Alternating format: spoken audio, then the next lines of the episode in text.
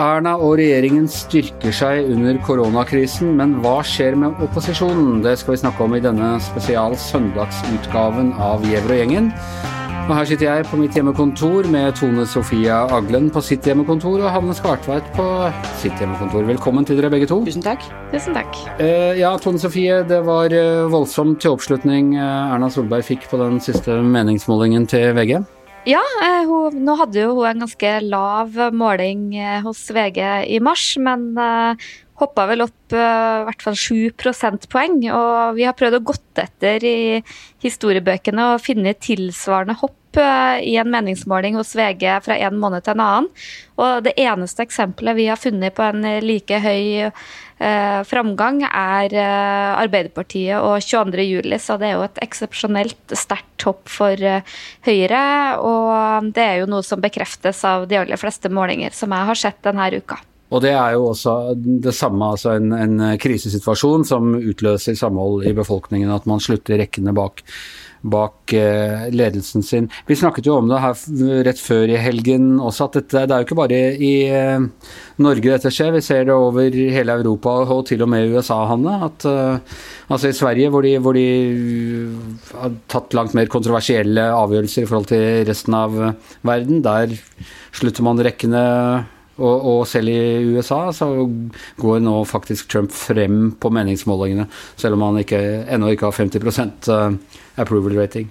Ja, Det forteller jo noe om hva skal si, jeg hadde nær sagt, naturkreftene i at en sittende leder får stor oppslutning i kriser, nær uansett hvordan den lederen er. For det er klart Vi ser jo alle hvordan Trump faktisk har håndtert, eller snarere ikke har håndtert, koronakrisen. Og allikevel går han opp, og det er jo fordi ledere alltid går opp i kriser, selv når det er Donald Trump. Hvor lenge tror dere en sånn uh, effekt varer? Jeg tror det er helt avhengig av hvor lenge selve krisen varer. fordi at uh, jo lenger, Hvis du ser på USA nå, f.eks., hva som skjer i New York, jo lenger det fortsetter på den måten, hvis det fremstår like eller enda mer ukontrollert, så kan det slå tilbake på den sittende lederen. Mens hvis det, hvis det roer seg, hvis man på en måte får et inntrykk av at han faktisk håndterer det, så vil lederen fortsatt tjene på det.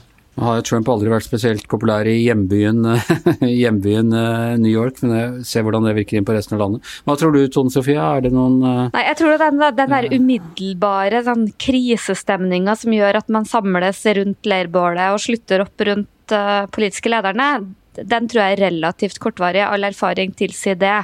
Men, men, så tror jeg nok det som vil prege landet mer, og som kan være en styrke for Erna Solberg, men det kan også svekke henne. Det er jo hvis du får mye fokus på arbeidsledighet, økonomi. For Høyre og Arbeiderpartiet er jo de to partiene som har størst troverdighet. Så må jeg bare si det at eh, det stemmer jo det at, eh, at ledere har en tendens til å få høy oppslutning når det skjer kriser, eh, men det er også unntak hvis de gjør åpenbare blundere. Og det handler også litt om det her med performance. Og, og, så, så det, er ikke sånn, det er ikke helt eh, opplagt at det er sånn, men ofte så ser vi det. Erna har jo en helt annen stil enn f.eks. Mette Fredriksen i Danmark. Det har vi, har vi snakket om, om, tidligere. Men det, jo også, det har jo også noe med at man kjenner disse ledelsesfigurene ganske godt. Og så når de da inntar denne øh, 'jeg vet hva vi skal gjøre', så er det en litt sånn det er ropet på mor og far som eh, kicker inn? Ja, det er i hvert fall ropet på den, eh, den tydelige, samlende lederfiguren. Og så tror jeg nok at Erna Solberg sin eh, svakhet, i hvert fall det mange som kan være en svakhet, at hun er veldig rolig, veldig avslappa. Vi så det også her, at hun var ganske sein med å komme på banen, og, og mange mener også at hun bagatelliserte. Men, men, nå, når på en måte, krise er her, så tror jeg nok nettopp det at den roen, den sindigheten, at hun er så tilstedeværende, blir veldig fort snudd til en styrke. Og det ser du også med de statsrådene hennes nå, Bent Høie, Jan Tore Sanner og Monica Mæland, som, som, er mest i vinden, det er jo statsråder som har litt sånn ord på seg å være litt vel traust Eh, kjedelig, eh, solid. Kanskje trenger man noe sprekere for framtida, men her kommer den type statsråder virkelig til sin rett. Samtidig så ser vi at nå øker presset, ikke minst fra sånn type NHO, eh, Hanne. De går knallhardt ut og sier at nå tåler ikke økonomien mer. Nå begynner å bli ubotelig skade uh, hvis vi fortsetter. Hvor lenge kan en statsminister fra Høyre tåle et sånt press fra Næringslivets hovedorganisasjon? Det er jo en utrolig vanskelig balanse. og jeg tror Uavhengig om det er en Høyre eller hadde vært en Ap-statsminister i Norge, så vil man måtte foreta en type avveininger. For det er ikke bare En ting er det økonomiske konsekvenser som er veldig alvorlige, men så har du de andre folkehelsekonsekvensene. Du har sårbare barn, du har andre pasienter på sykehusene, du har hva det gjør med helsa til folk å gå arbeidsledighet. Sånn at det er, uavhengig av hvem som styrer landet, så er det en utrolig krevende avveining nettopp å se helsehensynet, som er helt avgjørende akkurat nå, og de langsiktige økonomiske og andre eh, helsemessige og andre konsekvenser på lang sikt. sånn at uh, Hvor lenge de kan holde på. Det, man må jo holde på så lenge det er epidemisk nødvendig, men det vil ha store kostnader. Men så går det jo ganske bra, ikke sant. Eh, kapasiteten, eh, respiratorpasientene eh, går over all forventning. Det har vært en god del sånne positive signaler. Og paradoksalt nok så gjør jo det det vanskeligere Eh, å holde tiltakene ved like. Det styrker jo argumentasjonen om at eh, det er ikke så farlig, vi trenger ikke å, ta i så, så, hardt. Ja, Samtidig som det at vi har lært så mye disse ukene, og at det har så stor oppslutning, vi ser på tillitsmålinger, enorm oppslutning rundt både tiltakene og lederne våre akkurat nå. Det kan jo også gjøre at dersom man letter noe på tiltakene, f.eks.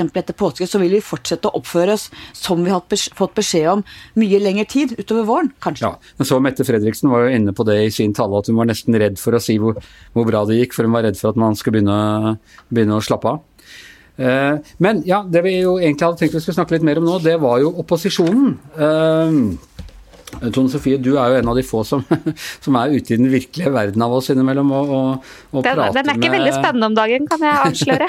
Nei, den, den virker Men vi, vi, ser dem jo ikke engang. Det er et eller annet vært noen intervjuer med Jonas Gahr Støre og sånn, men ellers så, så, står de egentlig bare bak der og nikker og er enig med det regjeringen Men hva, snakker de om f.eks. I, i Fremskrittspartiet? Det der er jo litt sånn opposisjonens store dilemmaer i alle denne type kriser, er jo at uh, det, skjer en litt sånn indre justis som gjør det veldig krevende å være den som går ut og er kritisk. For det er på en måte en sånn forventning om at nå skal alle eh, dra i samme retning. Men jeg opplever nok at det er veldig under overflaten eh, på Stortinget. Jeg tror ikke det er så veldig lang tid før vi har en eh, normal debatt igjen. Og jeg opplever vel kanskje at Fremskrittspartiet kanskje er det, liksom det tydeligste opposisjonspartiet med å utfordre regjeringa både med tiltakene. Siv Jensen prøvde seg jo så vidt med å kritisere hytteforbudet. Eh, flere Frp har gjort det. Vi har sett Christian Tybring-Gjedde har vært ute. Jeg tror kanskje ikke han nødvendigvis er så representativ eh, for partiet, men, men også på den økonomiske politikken så ser vi jo at eh, Fremskrittspartiet er veldig aktiv med å få sine hjertesaker inn uh, i forhandlingene, som er litt sånn vanskelig å se hvordan de passer inn akkurat som krisetiltak. Vi må jo si den der hyttegreia som egentlig har vært det mest kontroversielle av alle ting i hyttelandet Norge, Hanne. Eh, en undersøkelse i, som TV 2 hadde Eh, forleden, viser eh, solid oppslutning også om disse hytterestriksjonene til regjeringen. Ja, selv rett før påsken så gjør de faktisk det. Jeg tror det er noe at alvoret har seget ja, inn ja. i folk. Og, og, selv om folk tenker at det virker litt overdrevent, så, så, er man i hvert fall eh, klar til å Ja, men jeg tillater meg å, å lure litt på hva man egentlig måler, for jeg må jo bare tilstå og si at jeg er litt tvilende til eh, effekten av det hytteforbudet. I hvert fall for oss som sitter innelåst i befolkningstette områder.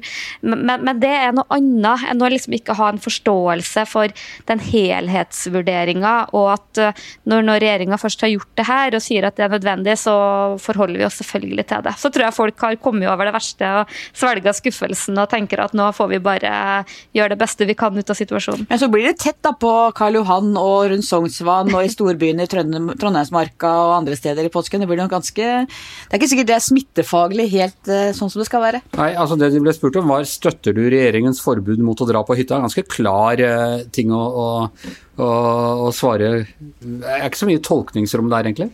Nei, men eh, hvis du ser det på alle undersøkelser av eh, tiltakene, så er det jo en veldig høy støtte til eh, tiltak. Så jeg tror på en måte at folk har kommet inn i en sånn modus at her går vi ikke inn i enkelttiltak, men Men jeg lyder da. Vi står ja. på linja, rett og slett. Hva, ja. hva med Senterpartiet? Som seilte jo opp som de store populistene, og har jo på mange måter nå uh, fått rett i altså hele den tanken om selvberging og, og og sånn er, burde jo være fruktbar jord nå. Hvordan posisjonerer de seg nå i disse krisetider? Ja, du ser jo selvfølgelig at Senterpartiet løfter opp eh, sånn saker om sjølberging, eh, landbruket, sånn som de har stor troverdighet på. Men, eh, men, men, samtidig så opplever jeg at Senterpartiet har tatt en veldig sånn aktiv rolle på Stortinget i opposisjonen, som en litt sånn brobygger i forhandlingene, er veldig synlig. Særlig Vedum sitter jo sjøl i finanskomiteen og er en ganske sånn samlende figur som snakker godt med alle partier, snakker veldig godt med Fremskrittspartiet. Og har liksom tatt en, en litt sånn aktiv rolle og er litt sånn opptatt av å liksom prøve å, å, blomstre litt i den rollen. Og det er ganske mange som snakker om at de er litt sånn overraska over at Arbeiderpartiet lar Senterpartiet ta så mye plass eh, i det indre livet i opposisjonen. Samtidig ser vi på noen målinger at Arbeiderpartiet går opp, mens Senterpartiet går ned. Og det er jo mulig at Trygve Slagsvold Vedum, Senterpartilederen, gjorde stor suksess under flyktningkrisen med å være den som tok initiativ til det store forliket på Stortinget. Og man prøver å spille den rollen og gjenta suksessen, og at det ikke går like bra i forhold til velgerne eller resten av politiske Norge denne gangen. Så ser vi, ja, vi ser som du nevnte nå, Arbeiderpartiet går jo frem på de, de fleste målinger, i hvert fall. Jonas Gahr Støre har vært ute og prøvd å dra inn Gerhardsen med at uh, vi skal bygge landet når, når uh, dette er over. Er dette Jonas Gahr Støres historiske sjanse nå, eh, denne krisen, til å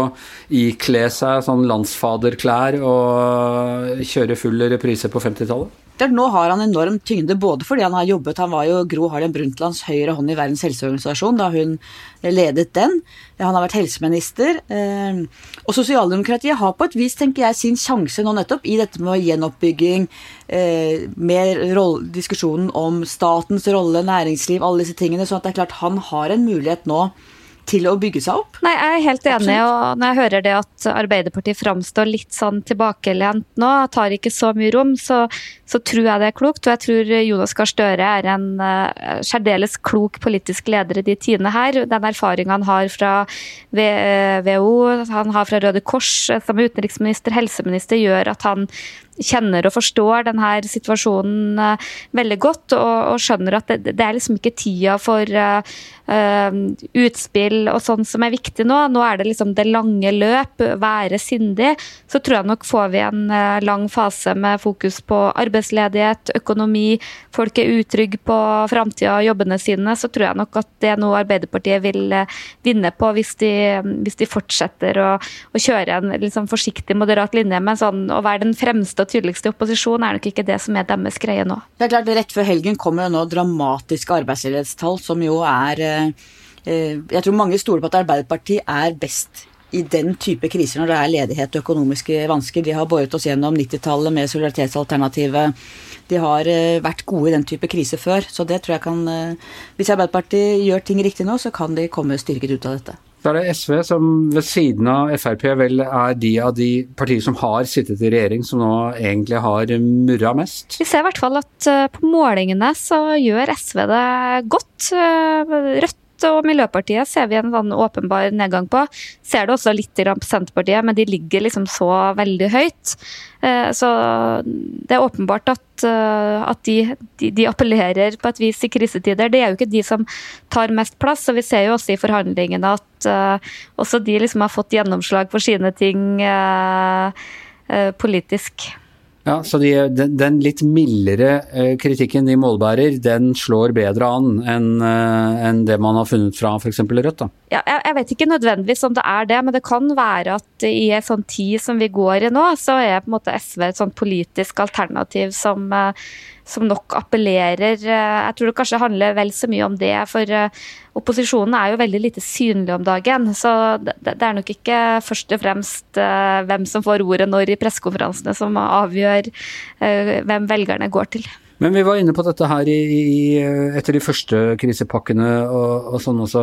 MDG og Rødt de får rett og slett ikke være med ordentlig i, uh, i gjengen? Ja, vi har jo ikke fått noen forklaring fra de andre partiene på hvorfor de ikke får være med heller. Men, uh, men noen mener at det handler litt om at de aldri har sittet i regjering, ikke, styr, ikke har styrt uh, Norge noen gang, og at de derved på en måte mangler hva skal jeg si, de refleksene som trengs for å ta kjappe avgjørelser og finne gode konsensusløsninger i det vi er i nå. De orker kanskje ikke at de skal sitte og holde på med kjepphestene sine inn i disse møtene som må gå effektivt og raskt. Har du hørt noe om hvorfor de ikke får være med, Tone Sofie? Ja, jeg har hørt litt uh, ulike årsaker. Uh, uh, og så ble jo de konfrontert med det her under den pressekonferansen denne uka. og og de partiene som prøvde liksom å komme med en sånn unnskyldning, det var det at de var ikke nasjonale partier, og de forholdt seg til de partiene. Eh, så hørte jeg både Bjørn og Moxnes og Une Bastholm sto bakerst, og liksom De lo litt sånn der oppgitt. Så det er tydelig at de tror ikke helt på de forklaringene. Men eh, det som i hvert fall har kommet fram At de ikke er nasjonale partier er jo en veldig rar forklaring. Ja, ja, at de ikke har eh, representanter i hele landet, prøvde de seg med som én forklaring. Det var, det var, liksom veldig tydelig at her rodde de febrilsk for å finne en eller annen men, men, det jeg i hvert fall har skjønt, at det, det er ikke regjeringspartiene som er opptatt av å holde dem unna. De har tvert imot vært opptatt av å samle alle, men at det er resten av opposisjonen, og i særdeleshet uh, særlig Arbeiderpartiet, som ikke ønsker å ha de med. og Jeg tror, jeg tror nok det har skurret seg litt grann, uh, mellom dem, hvor de opplever at kanskje særlig Rødt, men også MDG har uh, spilt for lite på lag og vært kanskje mer opptatt av å profilere seg sjøl, men det, det, kan også være at de, som Hanne sier, at de syns det er for tungt å, å, få til så mye enighet. Men samtidig så er det jo også litt rart, må det være lov å si, at de har valgt en ordning hvor de, hvor de forhandler først med Fremskrittspartiet, som står dem jo uh, enda lenger unna, før de går i forhandling med regjeringspartiene. Så det er jo litt underlig det som nå skjer på Stortinget. Men uh, finner MDG og Rødt seg i dette i det lange løp, eller er vil de starte en kraftigere subversiv virksomhet på et eller annet tidspunkt? Det er jeg usikker på. Men hver sin representant på Stortinget har de ikke så mye mulighet, da. De er jo, de er jo ikke så mange på det bruket. Ja, de har ikke det, men du, du ser nok fra den første krisepakka hvor alle partiene sto samla.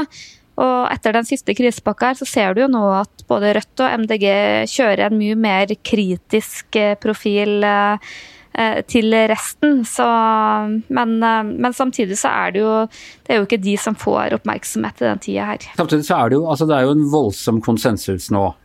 Uh, og det skaper jo også da et marked for, selv om det ikke er en veldig Det er jo folk som er uenig i de uh, grepene som gjøres. Og jeg ser mye på sosiale medier at uh, så er det et marked for MDG og Rødt å gå inn i eh, og, og, drive direkte opposisjonspolitikk, eller det, ligger den nisjen for langt unna det de står for politisk? Jeg tror vi vil se mer opposisjon etter hvert som tida går fra flere partier. at Én eh, ting er at MDG og Rødt har sine kjepphester de ønsker å ri, men det er klart, når dette går en stund framover, så vil du antagelig få mer reell politisk diskusjon om økonomisk politikken. Skal man satse på skatteletter eller overføringer? Eh, vanlig politikken vil finne sin plass for oss i dette, for det handler om økonomisk politikk hvor det er de store skillelinjene mellom de to hovedlinjene i politikken. Ja, jeg er enig med Hanne i det. Og vi ser det jo allerede på den, særlig den økonomiske politikken. Så er jo partipolitikken litt tilbake, og i den siste krisepakka så var det jo eh, Frp hadde fått penger til olje og til veier, og SV hadde fått penger til studenter og til uh, grønn teknologi. Det, det, var liksom Alle hadde liksom fått litt. Eh, men jeg tror nok også at den debatten om tiltak etter hvert uh, som tida går, og i hvert fall hvis vi, det virker som at vi um, lykkes godt i Norge, så tror jeg nok at uh, vi også vil få mer politisk diskusjon der. Ok, det er tidlig en søndag morgen. Hvordan har dere tenkt å bruke dagen med de begrensede tilbud og muligheter man har? Jeg har, tenkt, jeg har tenkt å være sammen med familien og gå meg en skikkelig tur i Ekebergskogen. Det syns jeg er veldig fint. Og så lage noe god middag. Det er den skogen med alle de nakne damene? Ja. Eh, Tone Sofie, du? Nei, jeg har jo prøvd å komme over den sorgen over at jeg ikke får lov å reise hjem i påska. Eh, eh, det fins vel verre ting i verden. og Etter at Erna Solberg sa at man skulle late som man er på hytta hjemme, så har jeg jo egentlig gått i pysjamasbukse og handla rødvin og sjokolade og lest mye bøker. Og så prøver jeg å tenke at det er en veldig fin mulighet til å bli litt bedre kjent i Oslomarka. Og du er jo som meg glad i å gå når vi har disse her morgenmøtene hver morgen og har kontakt via, eh, ja, eh, via noe sånn FaceTime-aktig opplegg, så er du og jeg stort sett alltid ute og traver. For har du fått gått mange skritt nå i koronatiden? Ja, det blir, det blir, veldig mye skritt, og, og, det blir jo også en litt sånn uh, lidenskap. Jeg tok meg sjøl her en kveld for å runde et, uh, et, litt høyere tall. At jeg gikk ganske mange ganger rundt i stua for å liksom ja, runde. Ja, da er du i gang. Dette er ikke bra. ok, uh, vi er over for nå. Det kommer podkaster i hvert fall de første dagene neste uke før vi tar påskeferie. inntil da, i hvert sitt hjemmestudio, Tone Sofie Aglen Hanne Skartvedt, Anders Giæver og vår eh, stillesittende produsent i sitt eh, hjemmeproduksjonskontor, Magne Antonsen. Takk for nå.